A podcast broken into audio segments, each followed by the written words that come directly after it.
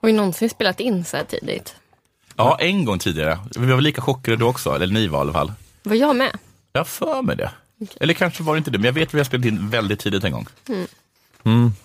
Vi är uppe i ottan nu som några dumma jävla knegare. Ja.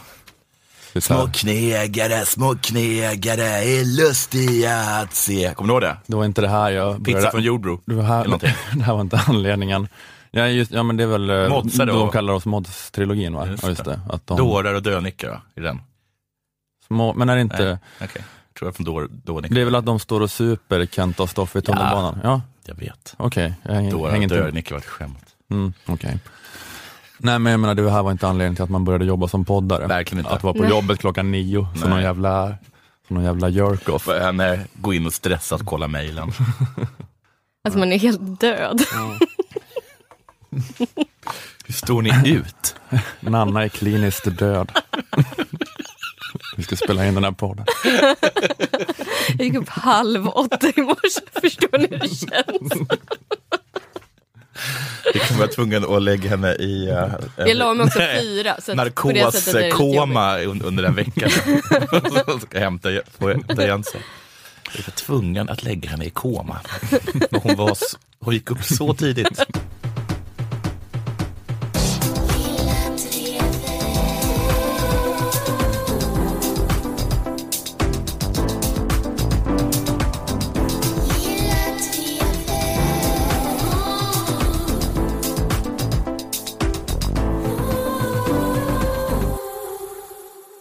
Vi säger välkomna till det 185 avsnittet av Lilla Drevet, en samtidskommenterande podcast för Aftonbladet Kultur i samarbete med Akademikernas A-kassa och fackförbundet Jusek. På plats i Malmö musikstudio den här veckan är jag, Ola Söderholm och Nanna Johansson och Jonathan Unge. Hej på er! Hallå? Hej. Den här veckan ska vi prata om eh, utvecklingen av det fria skolvalet, eh, Ungerns premiärministers renjakt i Sverige och så blir det premiär för det nya stående inslaget eh, Killar som fattar. Japp. Men först tänkte jag ta upp en grej som har hänt sen sist och det är att eh, det har varit första april, Mm. så då har det som vanligt varit många aprilskämt i medierna. Japp. Till exempel skrev socialminister Annika Strandhäll på sin Facebook-sida eh, citat, för att minska det lösaktiga lösgodisätandet föreslår jag och regeringen att ett nytt lösgodismonopol införs i Sverige. Ja. Enligt Bra den, skämt. enligt den nya lagen som ska gälla från 1 april 2019 kommer lösgodis framöver endast säljas på Systembolaget Mhm. och ett mindre antal certifi- certifierade butiker. Men det var, det var ett skämt i alla fall. Ja. Ett, annat, ett annat skämt var Norrtälje Tidning som skriver att eh, Netflix ska göra en remake av Saltkråkan Mm, just det. som ska spelas in i Roslagens skärgård. Mm. En remake som fått titeln The Salty Crow. Jävla bra. Bra. Jag vill se. Först tyckte jag det var tråkigt, nu blev det jättebra skämt. Undrar vem de ska kasta som Tjorven. Jag tror att det stod också. Ah. Det var så här äh, Alicia Vikander som med Malin. Benjamin Och, eh, Wahlgren som Tjorven. Vad heter de? Ann Westin? Precis, Ann Westin som Tjorven var jättebra. Men hon är ju 60. Kan vi bara ta ett steg utanför boxen i fem sekunder, Ola? Jag vill inte ha någon sån fritolkning utav Saltkråkan. Ja, ja, men det, var, det här, jag tog bara upp det här för att det här var exempel på aprilskämt från i söndags. Ja. Och, eh, men, men det jag skulle komma till var att det bästa och smartaste aprilskämtet hade DN Kultur. Mm. För första april så publicerade de ett eh, långt personporträtt av sin egen hovnarr Kent Visti. Mm. Ni vet honom kanske? Ja. Han den här rebellprästen som Just också är satirtecknare. Publiceras bland annat i DN Kultur. Det brukar vara, har ni, ni har sett hans bilder eller? Ja. Ja, jag brukar, eh, jag brukar höra, de är, de är så, de är så, de är så, de är så uppenbara att, man, att de är svårtolkade. Ja, men är som bild eh, och bakgrunden brukar se ut som något sånt här eh, gulaktigt gammaldags skrivmaskinspapper Mm. och på det är en grovt skissad gubbe. Och så är det en text bredvid gubben som då är det gubben säger. Mm. Eh, Det är väl ofta att det handlar om kanske nättroll Mm. eller Sverigevänner. Till exempel nu i samband med första april så var veckans Visti så skönt det ska bli när första april är över så man kan tro på allt som står på internet igen. Just det. Och så, ja, det är skämtet, att så dumma är de där nättrollen. Eh, I alla fall, DN Kultur publicerar då den första april, alltså som ett skämt, publicerar de det här personporträttet av den, som det står i ingressen, citat, otypiske prästen Kent Visti. Mm. Och bara det är ju jätteroligt. Eller hur? Ja, men för min fördom om Svenska kyrkan är att det knappt finns en enda präst som inte är exakt som Kent Visti. Eller hur? Det kanske finns så en konservativ falang också i Svenska kyrkan, men typ 60-70 procent är väl i alla fall den här lite så här myshumanistiska rebellprästen. Så här, rock on kids-prästen. Åker han eh, bike också? För det tror jag att alla präster gör. Ja, exakt. Alla är knuttar. Ja. exakt. Ja, men det är ju väldigt kul och att eh, det är kul aprilskämt där av den kultur att de låtsas Ja. som att de tror att en präst är som Jan Malmsjö, Fanny och Alexander och att det är så himla otypiskt med en sån här präst. som är knutte och har en tatuering och snusar. Ja, men Kent visst, han är den otypiska prästen som sprider sin lära såväl i predikningar som i satirteckningar. Och i den här, i den här intervjun så ställer de då frågor till honom som, hur viktigt är humor för dig? Och han svarar, det är jätteviktigt. Den israeliske författaren Amos Oz säger att kännetecknande för en fundamentalist är att den inte har någon humor. Jag tror att det är så. Det är lite Slutcitat. som Henrik Schyfferts sommarprat, det första han gjorde. Som skulle vara som, som, som, skulle vara som alla sommarprat är. Ja, just det. Lite, lite samma skämt har den här ar- artikeln. Ja, exakt. Ja, för just Schyffert gjorde det när han var kanske 23 eller något sånt där. Det, och nu kommer Öppna landskap, en låt jag tycker skulle kunna vara en alternativ nationalsång. Att han gjorde alla sommarprat och klyschor. Ja. Ja, ja men det, är- det är verkligen den här, det är lite samma anda den här och det är så, så bra. Ett annat citat ur den här eh, fejkade Kent Wist-intervjun är, eh, med dagens polarisering har satiren ett otroligt ansvar. Den kräver att man också kan driva med sig själv. Jag tänker ofta att vi skulle ha behövt en sådan som Tage Danielsson nu. Fan vad bra de är på D-kultur. Ja, ja men här, det där kommer Tage Danielsson. Vi hade behövt en sån som Tage Danielsson. Hans långsamhet och självdistans. Då kände jag att det blev nästan för mycket. Ja. Nu är det inte så Sluta subtilt. skriva oss på näsan. Inte så subtilt längre, det där aprilskämtet. Vi vet att det är ett skämt. Exakt. Det är så när man har det perfekta liksom, tonläget, liksom. en sån, nästan så här perfekt Danion-artikel, men sen så kommer man med Tage Danielsson, då blir det lite, ja. Fast det är ändå kul. Det blir alltid roligt. När någon i ett forum som DM Kultur säger, vi hade behövt en sån som Tage Danielsson idag. Det är kul ändå. Man kanske kan unna sig det. Eh, men det, är också, det är också det väldigt kul av aprilskämtmakarna på DN Kultur att lägga orden med dagens polarisering har satiren ett otroligt ansvar i Kent Vistis mun. För Kent Vistis satir är så totalt raka motsatsen till den grejen. Att överbrygga polarisering. Alltså den är ju helt raka motsatsen till intellektuell nyfikenhet och försöka förstå den andres bästa argument. Utan det handlar bara om att inhösta applåder från kören genom att igen och igen reproducera de allra slappaste nidbilderna av motståndaren. Att det finns en ganska stor efterfrågan på att någon bara ska fortsätta att dra eh, vita kränkta män-skämten från 2014 igen och igen. Bland annat hos olika kultursideliberaler finns den efterfrågan. Och det är ju då den marknaden Kent Wiste fyller. Alltså han är typ Björn Wimans Bagdad Bob. Och, det, och det är väl inget fel med det. Men det är ju snarare besläktat med partism än med satir. Alltså den roliga på partikansliet som får sköta Twitterkontot under partiledardebatten och raljera över allt motståndaren säger. Alltså det är ju mer i den genren, jag skulle säga att han verkar. Och det är ju inte satir direkt. Men det här är ju då DN och visst, de är uppenbarligen medvetna om det. Eftersom de skriver så här på första april. Och det tycker jag, det är extremt smart och rolig humor då. Hur liksom DN Kultur blinkar självironiskt. Genom att låta Visti se de här orden om satirens oerhörda ansvar i polariseringens tid. Ändå imponerande självdistans. Så jävla elaborerat och smart aprilskämt. Jag säger släng dig i väggen, nylonstrumpan över tv-apparaten. Vi har en ny etta på listan över tidernas bästa aprilskämt.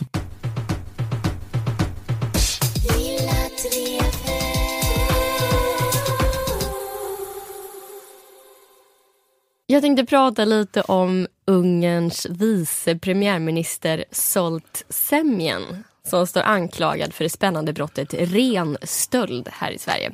Eh, I samband nu med valet i Ungern eh, så har det läckt lite bilder på Solt från hans jaktresor till Sverige. Eh, och de, på de här bilderna så kan man bland annat se Solt stå och posera med en ren som han har skjutit. en öronmärkt tamren som man absolut inte fått lov att skjuta eftersom den inte är vild. Nej. Men det, för det är väl eftersom ingen tillhör som, någon. man jagar ju inte ren. Nej, man tänker- jagar inte ren. Vi har inga vildrenar eh, i Sverige tydligen. Eh, I Norge har de några, men det ska tydligen vara Mm. enormt svårt att ens få syn på dem. Liksom. Studio 1 har intervjuat eh, Tobias Jonsson, ordförande för Grans sameby, eh, om den här fräcka renstölden. Ja, alltså vi... eh, Dagen före så var det ett reportage i Sameradion och då ville jag intervjua mig men jag avböjde för att jag tyckte inte det berörde mig. Och eh, morgonen efter då ringde en kompis till mig och sa eh, du, eh, har du googlat det här namnet? Nej, sa jag, det har jag inte gjort. Då tog det bara en stund och skickade han över en bild och så sa han googla det för det här fick jag fram, eh, ja visst är det din pojks ren?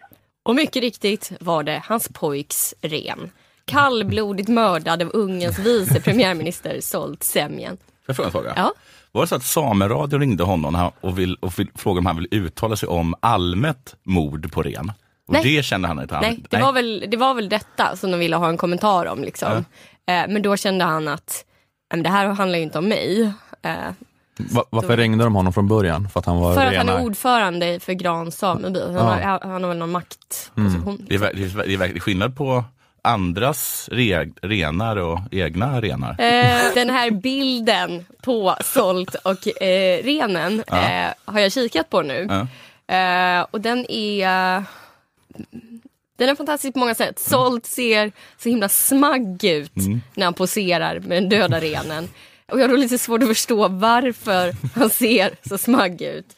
Renar räknas ju som tamdjur i likhet med kor och får och de är inte det minsta rädda för människor. Så att skjuta en ren är typ lika svårt som att gå in i ett hönshus och bara stampa ihjäl en höna. Det skulle Solt kunna göra och sen se helt smagg ut när han poserar med den på bild.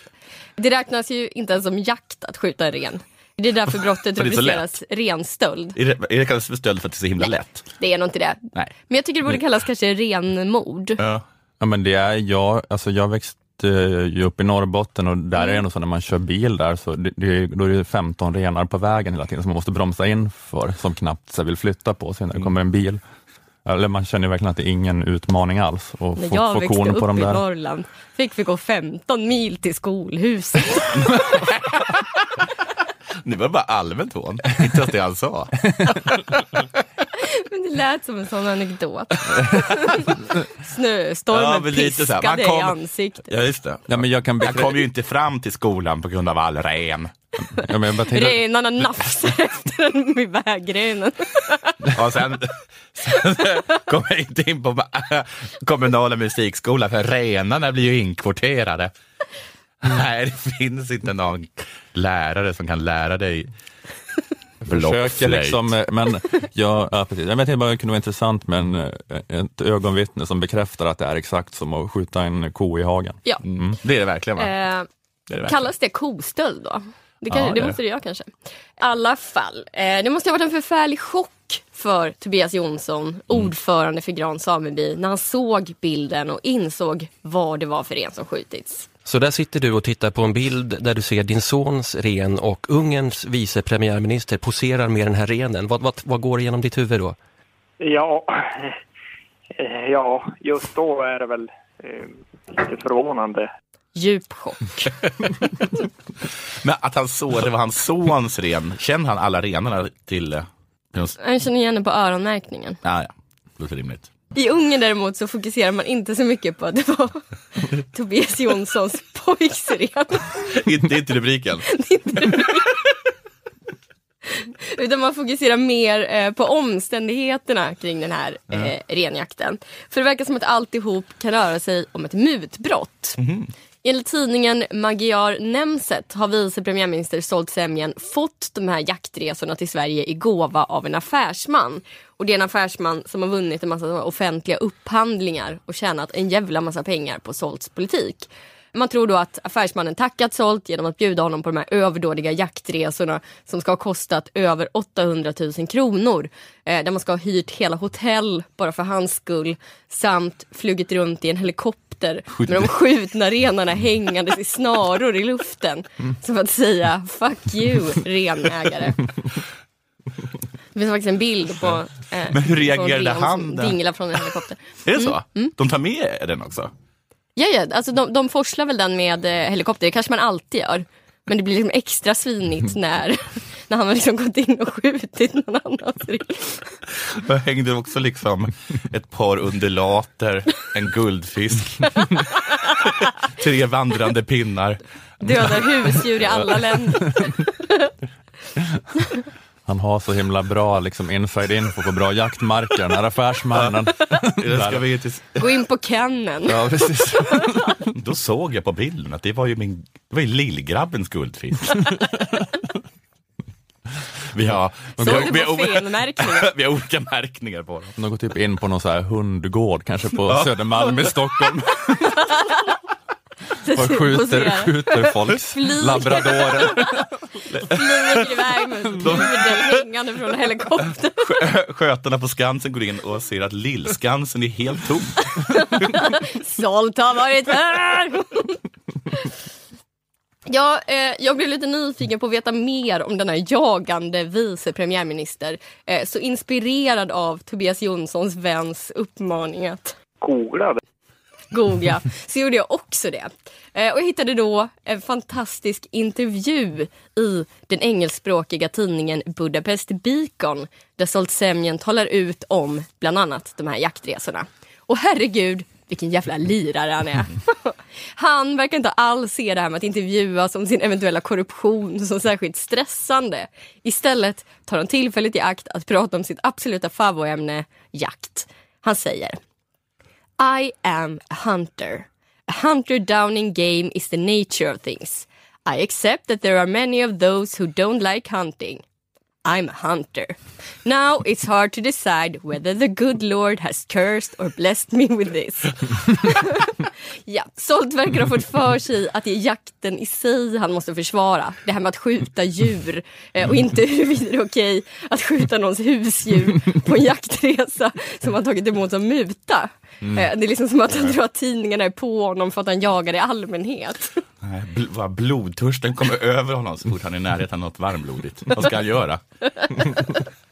Undrar du också, det problemet är ju att du inte är en jägare. Det är ju det som är problemet. Att du, Du är mer bara är en bödel Du är bara ett sadistiskt barn som typ dödar katter.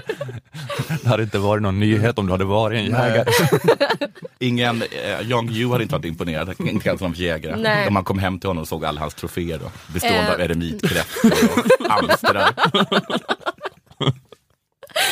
Eh, men i alla fall, eh, när Solt sen äntligen uppmuntras att prata jakt eh, och får frågan om hur många renar han egentligen fällt så svarar han obegripligt nog If I said on a single occasion that I hunted with this and that and down this and that, in the world of hunters this would be an offense, like violating medical or confession secrecy or indiscretion in a woman's affair. Han beskriver alltså tjuvheder. Mm, Solt vill inte svara på hur många renar han fällt, för i jägarnas värld, påstår han, eller skulle säga ljuger han, är det som att en läkare bryter mot tystnadsplikten eller att en man går runt och skryter om sina kvinnoaffärer. Jag vet inte om jag tycker att de här liknelserna håller. Att det ska vara samma sak för en jägare att säga jag sköt tre renar i fjol som det är för en läkare att typ lägga ut en patients journal på Facebook.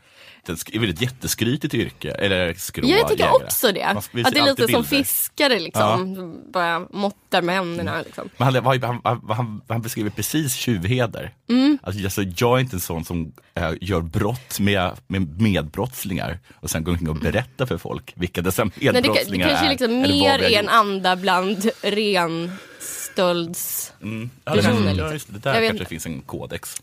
Eh, men jag kan tycka att om Solt nu var så himla mån om att hålla sina jaktbyten hemliga så skulle han kanske inte ha poserat med ett knä tryckt i en rens döda face eller så bönat runt i hela Lappland med renen dinglande från helikoptern.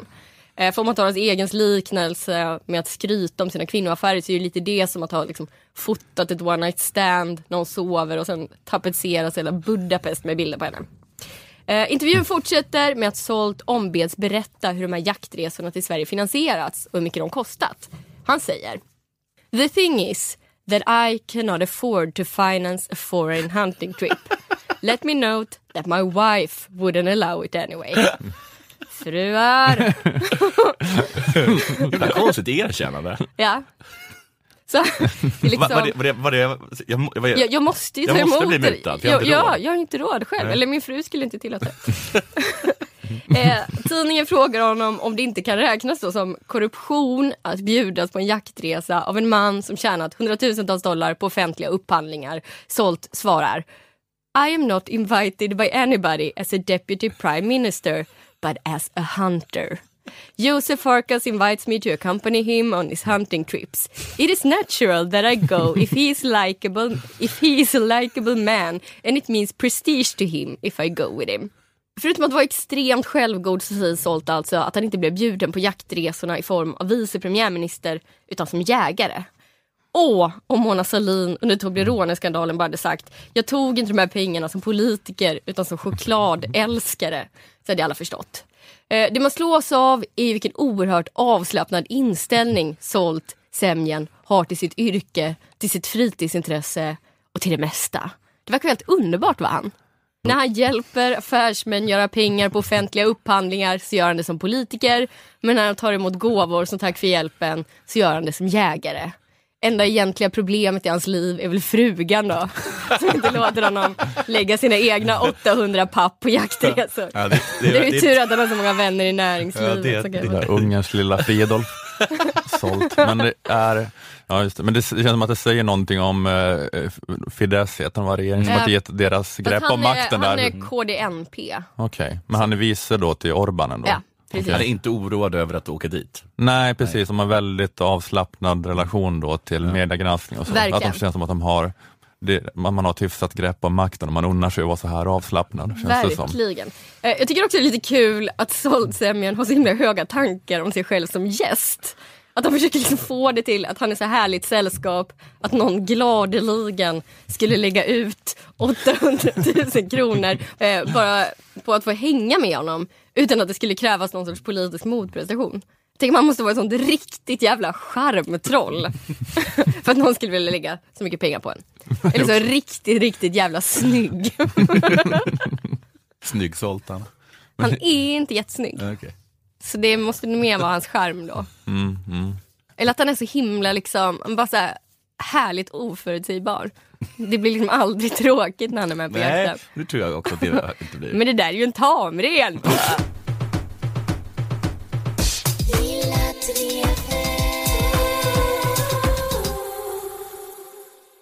Okej, dags för ett meddelande om våra kära sponsorer. Eh, alla ni som är akademiker eller funderar på att bli ska ju gå med i Akademikernas a-kassa och fackförbundet Jusek. Och det här gäller inte bara infödda akademiker. Varken Akademikernas eller Jusek har någon sån inga invandrare policy. Nej men, det, nej, men det, nej, nej.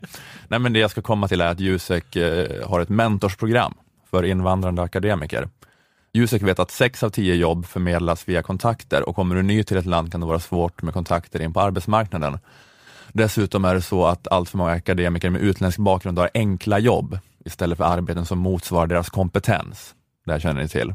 Att på våra sjukhus kryllar det av invandrare som måste arbeta som kirurger trots att de har en jättefin taxichaufförsutbildning hemifrån Iran. Millions of people have lost weight with personalized plans from Noom, like Evan, who can't stand salads and still lost 50 pounds. Salads, generally, for most people, are the easy button, right?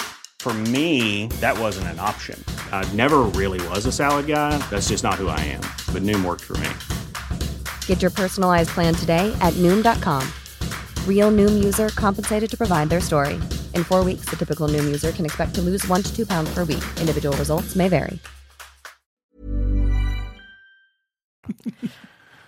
Det var ett skämt, men ni fattar vad jag menar. Det är slöseri med både pengar och mänskliga resurser. Verkligen. Att inte ha rätt personer med rätt kompetens anställd för rätt typ av jobb.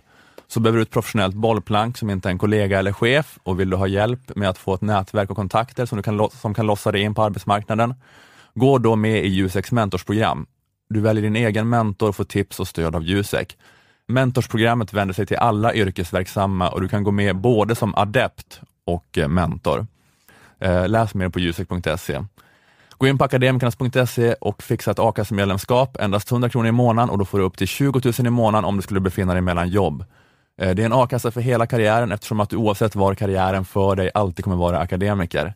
Är du eller på väg att bli jurist, ekonom, systemvetare, personalvetare, kommunikatör eller samhällsvetare ska du gå med i fackförbundet Jusek.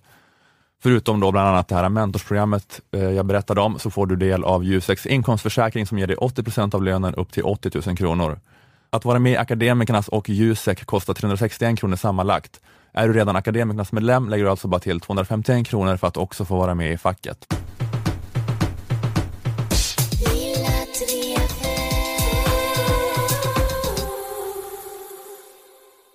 Vad ska man skriva om?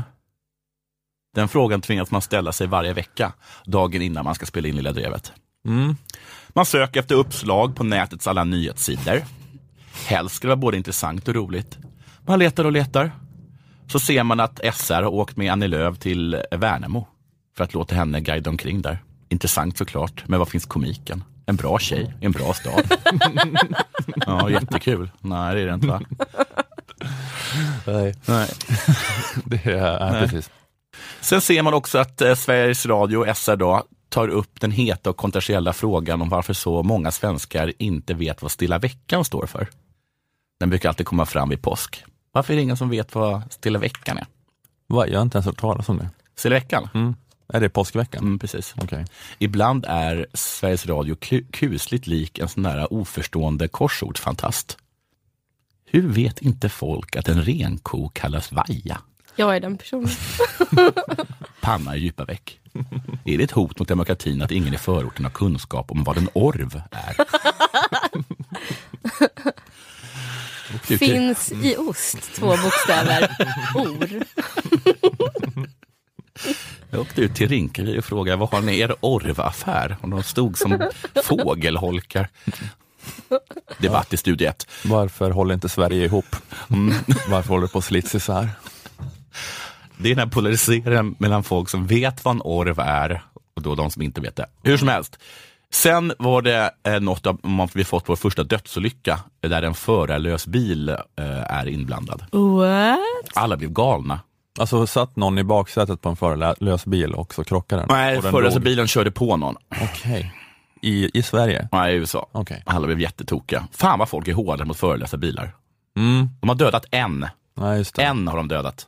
Mm. Dessutom var det människans fel. Men också superotäckt att bli påkörd av en bil där det liksom inte sitter någon. Det var, tydligen, det var tydligen en människans fel. Hon gick ut på ett dåligt sätt. Mm, okej. Det borde göras en sån där film om eh, förarlösa bilar som det görs om filmer där kvinnor börjar spela tennis eller när svarta äntligen får gå på universitetet. Att de måste vara så himla mycket bättre. Just Ja, det. det, men det är ju som, precis, men det, det är ju som med AI, att man är så rädd för den, Ja. så att den är ungefär som De måste eh, vara så jävla snäll och trevlig. Det är som vargskräcken ungefär, Ja. att en varg dödade en i Värmland senast 1880, men alla är skiträdda för Ja. vargen fortfarande. Och så känner tar man ju för fortfarande AI. väldigt mycket hundar. Ja, och det, ja, det är inte som AI. Jag behöver inte dra den här liknelsen längre. Nej. Nej. Det är tufft att vara förelös. Man måste vara mycket, mycket bättre än alla. Man måste anstränga sig mycket, mycket mer. Men istället för detta så lanserar nu Lilla Drevets nya filosofiska inslag. Mm, Spännande. Hålla käften. Anna. Kan inte. Never stop being Nana. Hur som Det helst, finns säkert av-knapp. Man kan bara... Alltså jag, skulle, kan, jag skulle säga att jag är lätt den som pratar minst i den här podden. Mm, och så när jag väl säger någonting så bara, kan du sluta babbla? Stäng av tjejen! så fort, så fort det här Nej, det är programmet är slut är vi tvungna att lägga dig i en eh, sån här narkoskoma. Så, vi- så Kan du sluta hota med narkoskåpor? Nej men det är, inte, det är inte det att jag tycker att du pratar för mycket i allmänhet. Jag vill bara, jag vill, jag vill bara ha nolltolerans mot sånt, sånt eh, pappaskämt tonläge. What? Jag försöker vara uppmuntrande. Men varför säger du inte spännande som en normal människa då? Varför ska du, varför ska du, säga, varför ska du skoja till det när du säger spännande? du säger frack också istället för tack. Alltid. Men hur, hur, skitsamma. Istället, titta.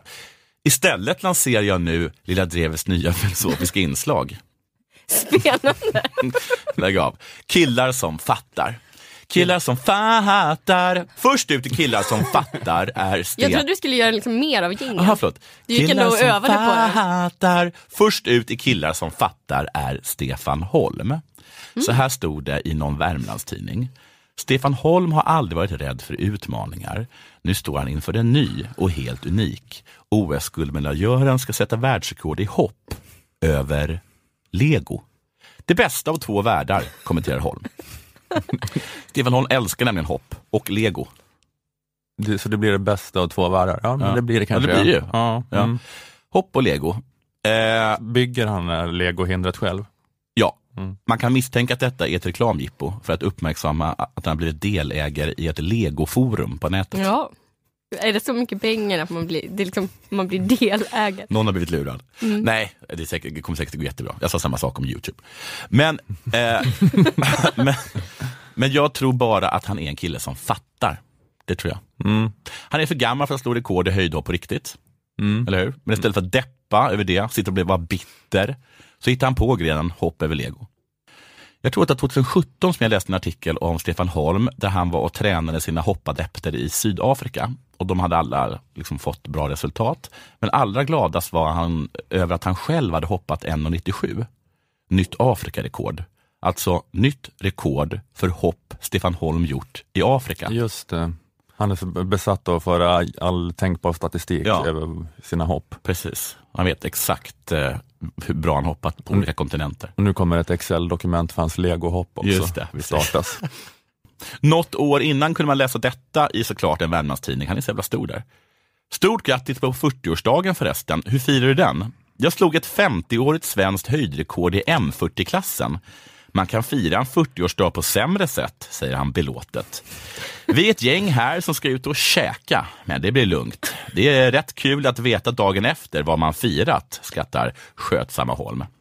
M40 är alltså veteranklassen. Och ni hör vilken glädje detta skänker Stefan Holm. Att han är så himla glad att han genast börjar oroa sig för att supa för hårt och därför glömma bort det fina han varit med om.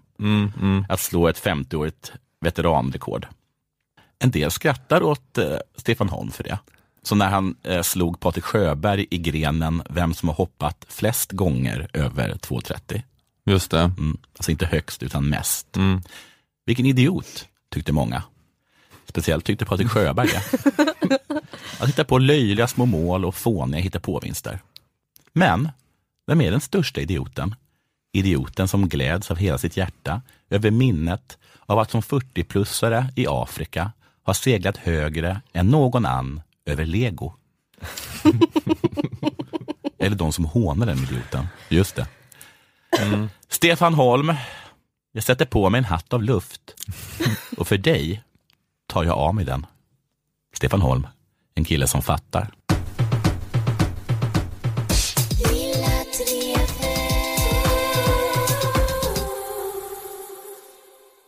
Vi har ju som ni vet i Sverige den här äh, statsunderstödda systematiska segregationen. Sveriges motsvarighet till Sydafrikas apartheidlagar eller Nazitysklands Nürnberglagar, men vi kallar det då det fria skolvalet. Mm.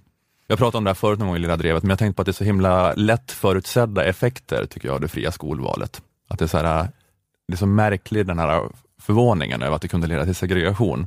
Menar att, att menar ni att det här kommer leda till att barn till nyanlända kan gå igenom en 12-årig skolgång utan att en enda gång komma i kontakt med ett barn med ett svenskt namn? Menar ni att det här kan leda till koncentration av elever från studieomotiverade hem på en skola och barn till enga- engagerade föräldrar på en annan skola? Det, det, eh, det kan inte ha varit så svårt att räkna ut på förhand. Det känns som att man, det behöver inte forskas på. Man behöver ingen mer empiri än minnet av sin egen skolgång. Eh, att jag gick så här i en ganska stökig klass och ganska halvkass klass studieprestationsmässigt på högstadiet. Men om typ så här, de åtta eleverna i klassen som hade mera studiemotivation, eh, de som kanske kom från akademikerhem eller hade mer engagerade föräldrar, om de hade flyttats till en annan skola, alltså då hade det, då hade det snabbt gått från halvkass till flugornas herre. Alltså det, är så, det är bara så lätt intuitivt att tänka att det är det som hade hänt. Då hade det enda som hänt hela tiden varit att man varit tvungen att kalla på en sån där 21-årig kille som var lärarassistent på skolan och kanske hette Micke och spelade ytterback i IFK Luleå. Att han hade fått komma in i klassrummet och brotta ner Ronny som blivit sjövild. Alltså det hade varit det enda som hade hänt hela dagarna.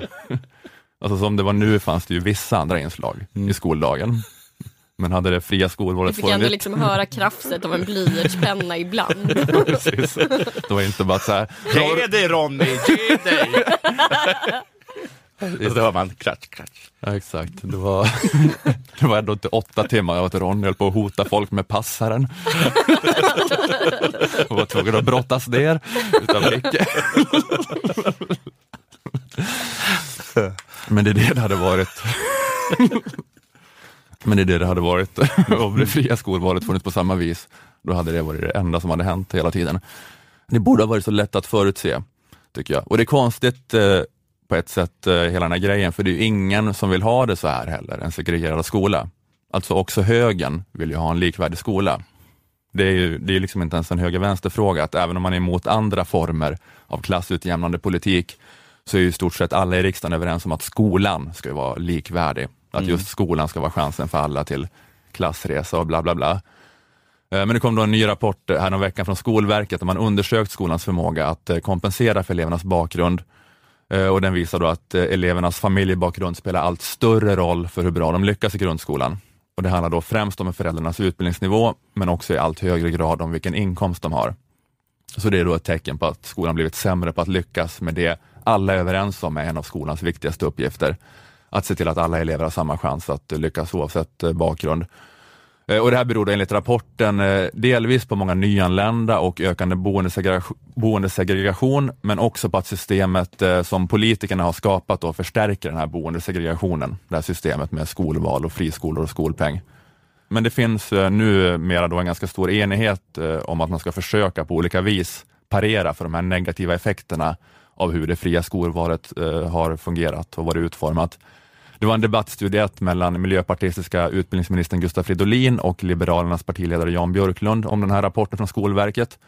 Och då slog eh, Gustav Fridolin, eh, han slog fast vad som är målet. barn med olika bakgrund ska mötas på samma skolor. Vi ska ju rigga systemet så att de förutsättningarna finns på varje skola. Så att vi har de mest erfarna lärarna i de tuffaste undervisningssituationerna och så att vi oftare är tillbaka där svensk skola var när det var som starkast. Och då faktiskt direktörens barn och lokalvårdarens barn möttes på, på samma skolor. Mm. Det är det man alltid säger, direktörens barn och lokalvårdarens barn på samma skola. Direktörens barn städar kanske inte sitt rum själv, Nej. men ska gå i samma klass som barnet till den som städar dennes rum. Din mamma städar mitt rum, ska en elev kunna säga till en annan i klassrummet, om vi ska ha en verkligt likvärdig Var på, klassutjämnande var på, skola. var på Ronny blir sjövild. Det var kanske det som utlöste det oftast. Att Hampus sa till Ronny, din mamma städar mitt rum. Och vi bara, Ronny är sjövill. Vi hade ingen klassanalys på den tiden. Den enda som hade mått bra av det fria skolvalet är Ronny. Att slippa höra. Hans morsa. Nej, eh, men det har alltid varit lite krångligt eh, då på ett sätt att få sitt huvud runt det här med det fria skolvalet. För målet är som sagt det här, det som Fridolin sa. Men det är då att alla ska välja fritt mellan skolor som, som alla ska vara exakt lika bra och ha exakt samma perfekta sammansättning mellan elever med olika socioekonomisk bakgrund. Att det är det här att ni får välja fritt, men nu har vi upptäckt att vi måste gå in och styra lite så att ni väljer fritt rätt. Mhm. Och det är då ganska stor samsyn om olika åtgärder för det här eh, mellan Fridolin och Björklund. Det kan till exempel handla om att kommuner får rätt att garantera plats på en viss högstadieskola för den som gått på en viss FT6-skola. Och då ser man ju till att på den här högstadieskolan där möts då elever från olika bostadsområden. Ja, då ska ju de förberedelseklasserna inte placeras på de skolor där det redan är mycket invandrare utan man placerar ut dem på andra skolor. Och jag ska säga eh, att det också tycker jag man ska, det är kontroversiellt ibland, men jag tycker att man ska våga lägga, om man har, en, om man har ett stort invandrartätt område och det finns det ju ofta i våra städer, då ska man inte ha en högstadieskola eller en gymnasieskola mitt i det området därför att det, blir, det är ju att be om segregation. Man ska ibland fundera på att lägga ner den helt och hållet och sprida ut de eleverna på andra skolor. Okej. Kontroversiellt. Ja men det är precis, Men Så poängen, bor man i ett då, eh, segregerat område så kommer man också vara jättelångt till skolan. ja men det är på riktigt sådana förslag att man ska bara lägga ner de skolorna och sen placera ut dem. Vi har förlagt dig på Lundsberg. Poängen med att spela upp det här var mest på att de, ja, men de Ja. är för massa mixtrande med kvoter och utplaceringar och bussande av elever hit och dit för att Vilken minska segregation. Ja. Och det är då som Jan Björklund säger att Om regeringen eh, har lagt undan alla planer på att skrota det fria skolvalet så är vi beredda att säkert att diskutera eh, de här förändringarna, till exempel de vi nu nämner.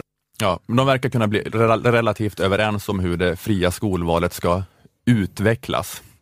Eh, Men det jag undrar är om alla förslag om att bussa elever från problemområden till skolor i fina områden och allt det här mixtrandet med det fria skolvalet för att också göra om det till det perfekt klassutjämnande skolvalet, att det håller på att bli med det fria skolvalet som med löntagarfonderna när Kjell-Olof Feldt var klar med dem.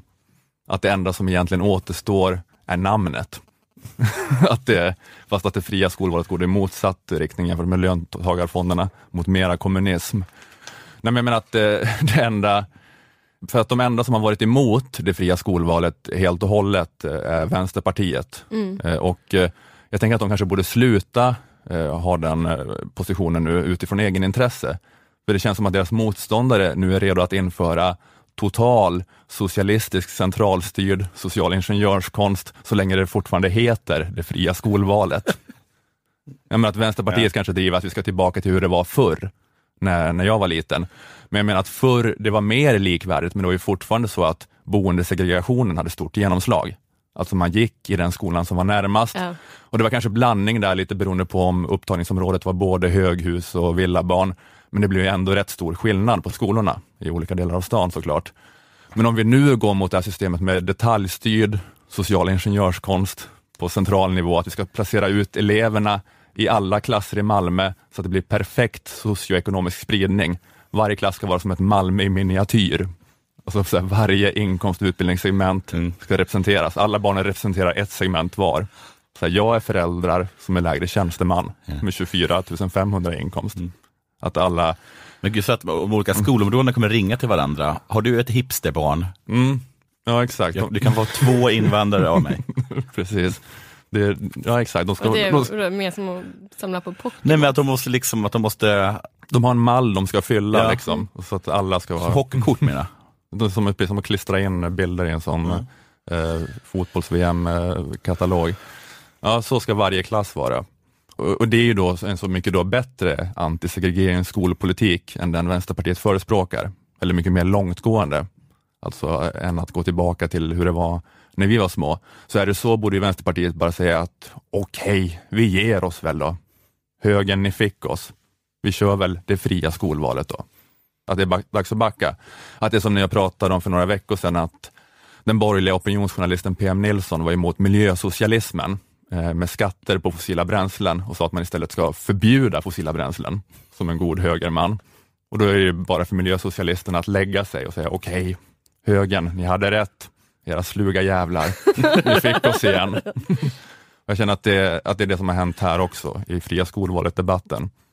Att det, det är liksom de, de försvarade det fri, Jan Björklund försvarade det fria skolvalet ända tills han har uppfunnit full kommunism utan att han fattar det själv.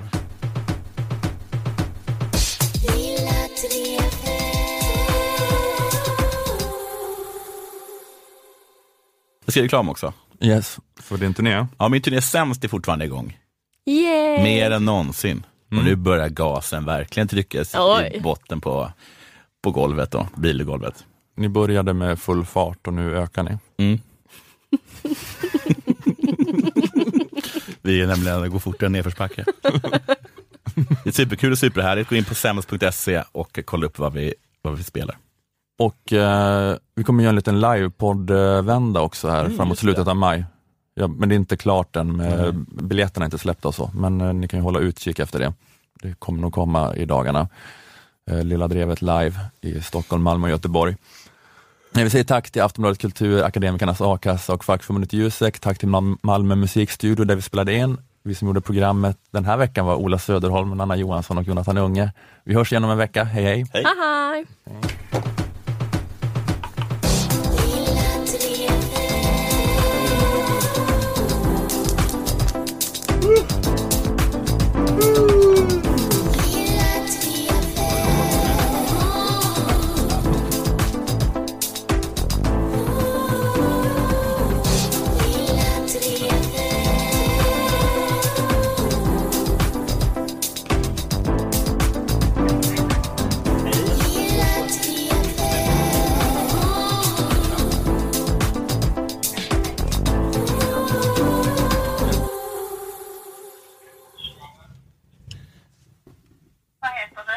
Jonathan. Jonathan. Och var ska du åka Jonathan? Eh, jag ska till centralstationen. Till centralen.